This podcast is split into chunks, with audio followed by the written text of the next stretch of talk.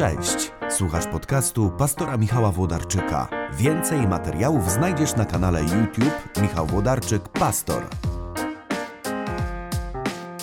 Cześć kochani, kolejny Q&A. Tych pytań jest całkiem dużo, więc, więc teraz te odcinki planowe troszkę schodzą na dalszy plan, yy, żeby móc zagospodarować te wszystkie pytania, które się pojawiają w zakładce społeczność. Dzięki, że tam piszecie Wasze pytania. I dzisiaj dwie kwestie. Jedna całkowicie z nieba, druga całkowicie z ziemi, czyli pierwsze pytanie, jak wygląda niebo, i drugie, czy można pracować na czarno.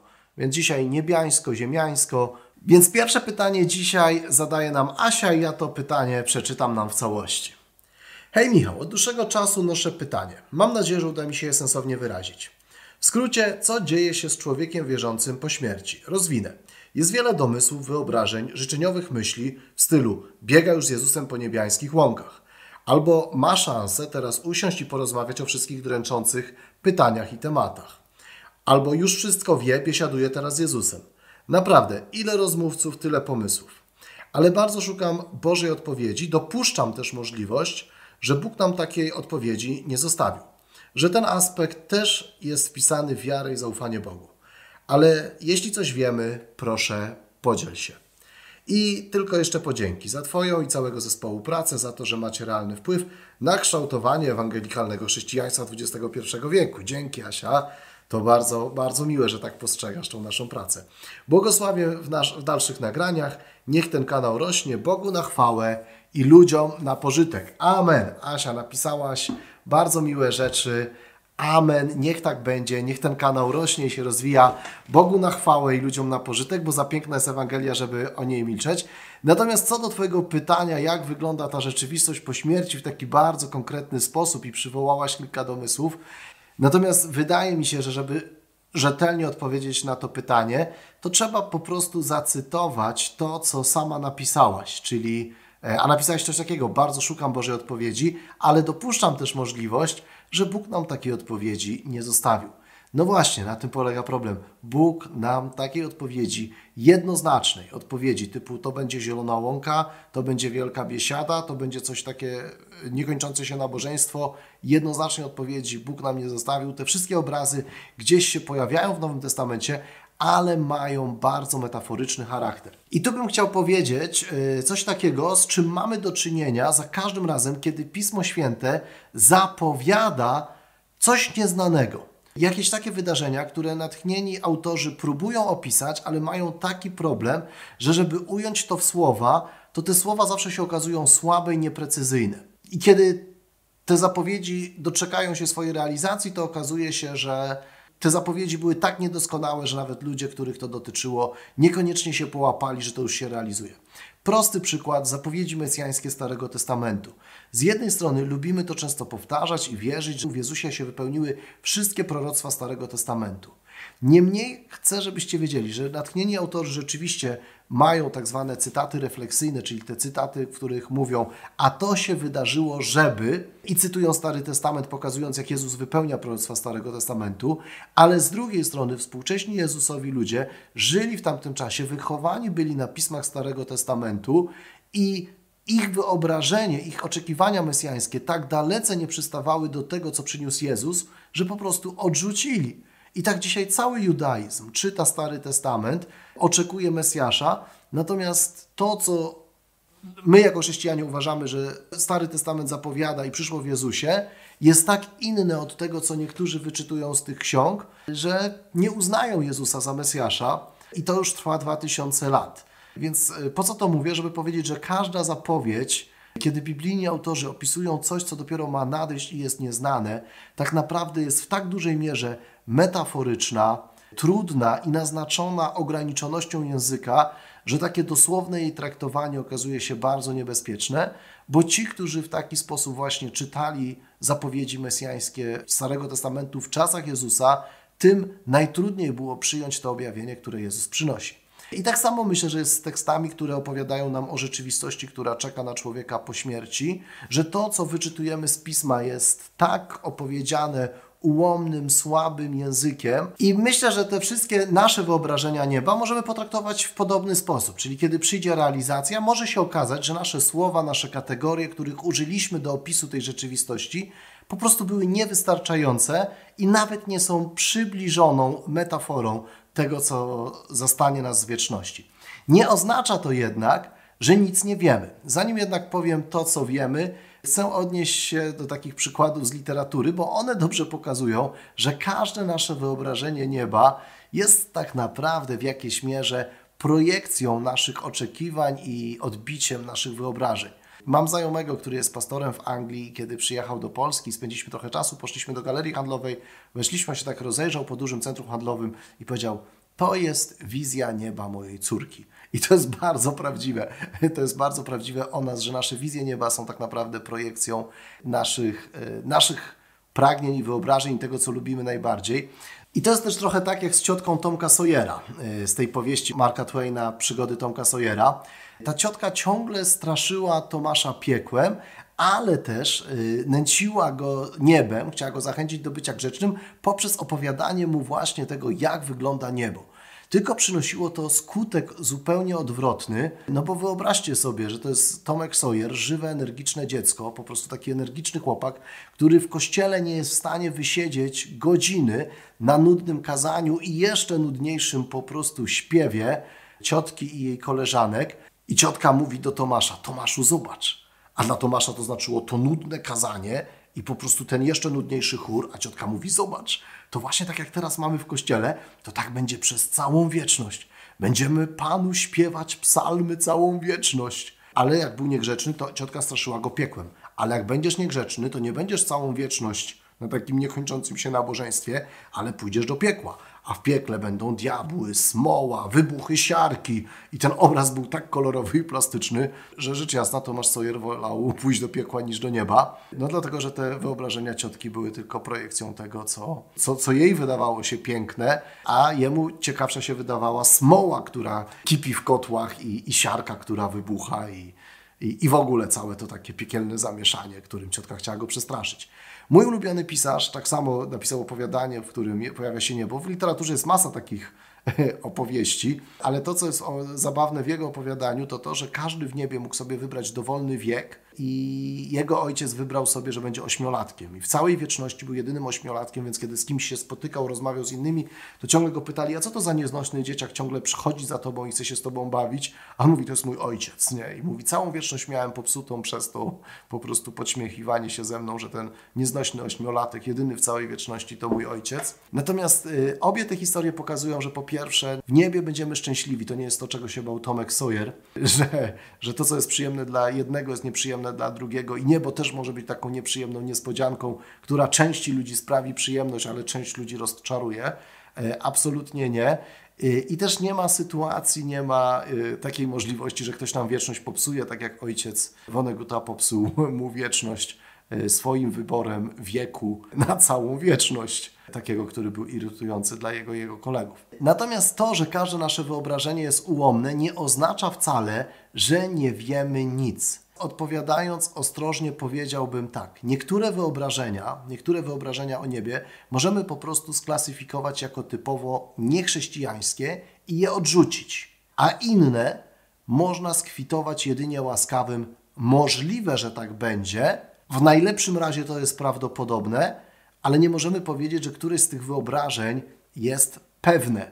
Raczej to jest mało prawdopodobne, dlatego że wieczność tak jak każda rzecz, którą Biblia zapowiada, zapowiada zawsze w taki sposób obarczony ograniczonością ludzkiego umysłu, że realizacja wielokrotnie przekracza to, co Biblia zapowiada takim naszym ograniczonym i słabym językiem. I to, co możemy na pewno odrzucić jako niechrześcijańską wizję nieba, to takie wyobrażenie wieczności jako takiego, nie wiem, strumienia świadomości, gdzie wszyscy roztapiamy się w świetle i kontemplacji. To jest niebiblijna wizja nieba. Biblia mówi o zachowaniu naszej tożsamości. Brzmi to bardzo, może nawet nie niebiańsko, ale Biblia mówi o zmartwychwstaniu w ciele.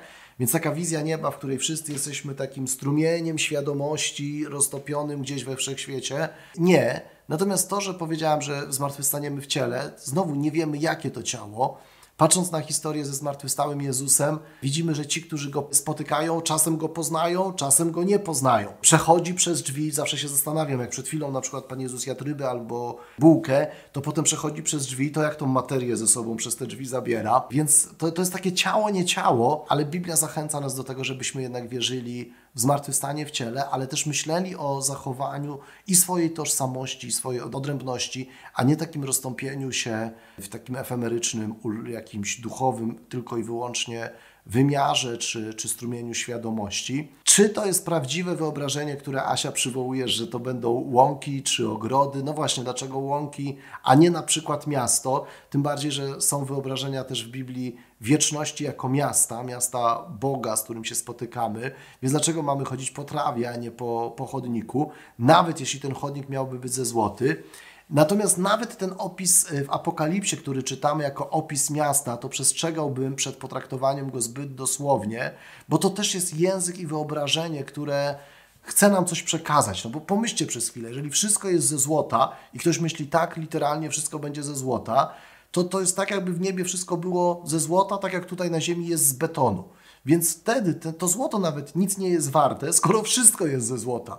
Tak jak dzisiaj beton nie jest jakiś niesamowicie drogi, dlatego że wszystko jest z betonu, więc rozumiecie, co chcę powiedzieć. Autor Apokalipsy chce nam powiedzieć o tym, że niebo przekracza wielokrotnie to, co najwspanialsze znamy tutaj na ziemi, natomiast niekoniecznie chodzi o określenie kruszcu, z którego są budynki, jako właśnie to złoto określane symbolem AG, na lekcjach chemii i tak dalej, i tak dalej. Tym bardziej, że mówię, złoto, z którego wykonuje się ulice, budynki i wszystko nagle po prostu jest złotem w cenie betonu, więc, więc to też jest kwestia umowna, co ile jest warte nawet w naszej e, tutaj ludzkiej, e, ziemskiej gospodarce.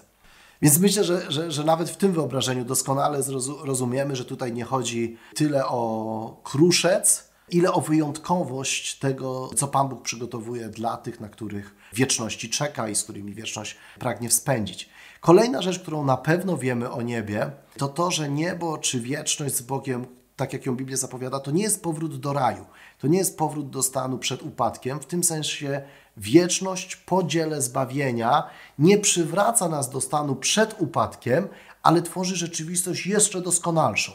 I to mówi autor objawienia, że zbawienie nie przenosi nas do raju, z którego Adam i Ewa zostali wypędzeni, ale zbawienie nas przenosi do rzeczywistości jeszcze większej, jeszcze lepszej, jeszcze doskonalszej. I mówi to nam autor objawienia, używając tego obrazu miasta. Kolejna rzecz, wieczność nie jest samotnią. W podziale ostatecznym C.S. Lewisa, świetnej książce, to piekło jest samotnością, a niebo jest miejscem, w którym ludzie są ze sobą. My lubimy widzieć piekło też jako takie kolektywne przedsięwzięcie, w których ludzie w tych kadziach, prawda, razem się tłoczą, diabły ich pilnują. Nie, one, tam diabeł nie ma funkcji zarządcy piekła, absolutnie. Władcą krainy umarłych jest jedynie Jezus Chrystus i, i, i to mówi Księga Objawienia w pierwszym rozdziale bardzo wyraźnie i bardzo dobitnie i bardzo jednoznacznie. Natomiast w tym C.S. Lewisowym obrazie piekła chodzi tylko o to, że piekło to jest zwielokrotniony nasz egoizm i to wszystko, co wyniszcza nas teraz, tam jest pozbawione jakiegokolwiek limitu, jakiegokolwiek ograniczenia, więc to zło, nawet to, które jest w nas, rozrasta się do niebotycznych rozmiarów, bo nie ma co tego zatrzymać. Więc te wszystkie wyobrażenia tronu, ulic, ile w tym jest literalnego opisu, a ile w tym metafory, raczej to jest określenie relacji, tego, co tam czeka. Asia, wspomniałaś też o uczcie. Rzeczywiście Pan Jezus, rozstając się z uczniami, mówi: Nie będę pił owoców winorośli, aż się dopełni Królestwo Boże, aż się spotkamy znowu w wieczności. Więc to znowu jest uczta, którą zapowiada Pan Jezus. Z jednej strony możemy ją potraktować metaforycznie, a z drugiej strony możemy potraktować ją bardzo fajnie jako zapowiedź która wskazuje też na to, że niebo jest dużo mniej duchowe niż sobie to często wyobrażamy, skoro będziemy tam pić wino. I to wino z Jezusem, prawda? Więc, więc uczta ma charakter taki dużo bardziej cielesny niż duchowy. A Jezus używa obrazu uczty do opisania swojego ponownego spotkania z uczniami. Podsumowując, podsumowując, wiemy, że pewne wyobrażenia na pewno są fałszywe i je możemy odrzucić a inne wyobrażenia w najlepszym razie są po prostu prawdopodobne. Te, których nie odrzucamy jako ewidentnie fałszywe, traktujemy jako prawidłowe, czyli odrzucamy te wszystkie takie przeduchowione wyobrażenia jako strumień świadomości, zagubiona tożsamość, roztopienie się po prostu w jakiejś wiecznej Bożej jaźni ludzi. To, to nie są chrześcijańskie wyobrażenia. Natomiast potem każdy inny obraz, te wymienione przez Ciebie, Asiu, te opowiedziane przeze mnie, one wskazują tylko na pewne aspekty, natomiast ja nie chcę się wymigać, chcę powiedzieć o rzeczach, które wiemy naprawdę. A tych pewników jest niewiele. Po pierwsze, w wieczności na pewno będziemy z Bogiem, znajdziemy się w Bożej obecności. Po drugie, nasza tożsamość czy nasza podmiotowość będzie zachowana. Po trzecie, rzeczywistość, w której będziemy, będzie o wiele doskonalsza i lepsza niż rzeczywistość ogrodu rajskiego Edenu, z którego zostali wyrzuceni Adam i Ewa. To, co jest na końcu, będzie lepsze od tego, od czego się wszystko zaczęło.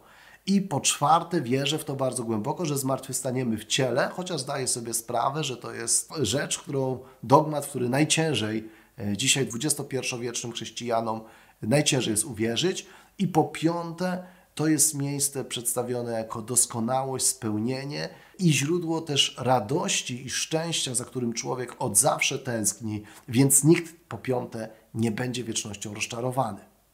Także Asia, przepraszam, jeśli ta odpowiedź jest taka oszczędna oszczędna i nie ma tutaj jakiegoś, nie wiem, wyobrażenia, żeby się przekonywać, że niebo to jest na pewno albo jak wielka restauracja i uczta, albo jak niekończące się nabożeństwo, albo jak po prostu spacer po ogrodzie. Te wszystkie wyobrażenia raczej wskazują na pewne aspekty przebywania w Bożej obecności, niż opisują to, w jakich okolicznościach to przebywanie będzie się odbywało.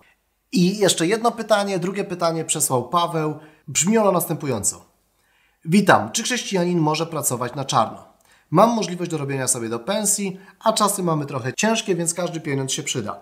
Tym bardziej, że jeśli mogę, to też pomagam tym, którzy potrzebują wsparcia finansowego. Niestety nie ma opcji umówienia się na jakąś umowę.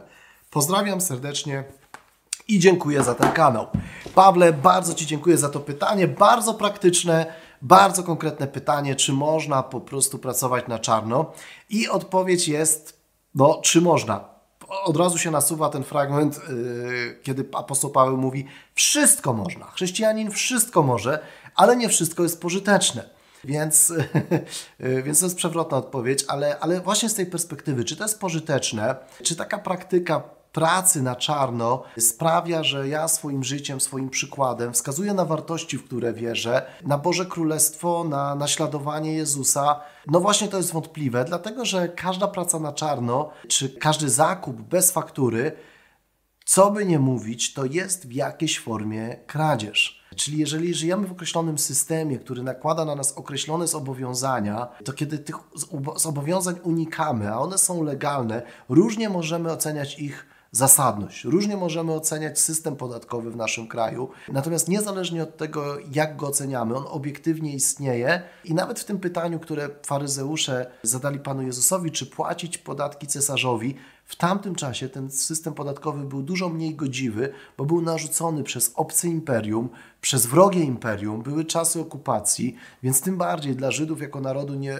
wybranego wydawało się, że to jest niegodne płacić jakiekolwiek daniny na rzecz władcy spoza narodu żydowskiego, który jest ciemiężcą i okupantem. Natomiast to, co Jezus w tej odpowiedzi mówi, to to, żeby rozdzielić te dwa rodzaje zobowiązań. To, co Bogu dać Bogu, to, co cesarzowi dać cesarzowi i nie używać jednej płaszczyzny jako argumentu do uchylania zobowiązań na drugiej płaszczyźnie. Czyli nie, nie należy taką właśnie bogobojną i pobożną motywacją unikać zobowiązań, które mm, e, w tamtym czasie Żydzi mieli wobec Imperium Rzymskiego w postaci podatków płaconych cesarzowi. I tak samo jest dzisiaj. Jest, żyjemy w określonym systemie, który funkcjonuje dzięki naszym podatkom i wiem, że to jest drażliwy temat. Słyszałem ludzi, którzy mówili, jak to państwo będzie dbać o mnie, to ja będę dbał o to państwo. Albo na przykład jak oni będą prawda, liczyć się z moimi potrzebami, to ja będę chętnie płacił podatki i tak dalej. Albo będą uwzględniać moje postulaty, albo cokolwiek. Ale właśnie o to chodzi w zobowiązaniach, które chrześcijanin płaci, że one nie muszą być wzajemne.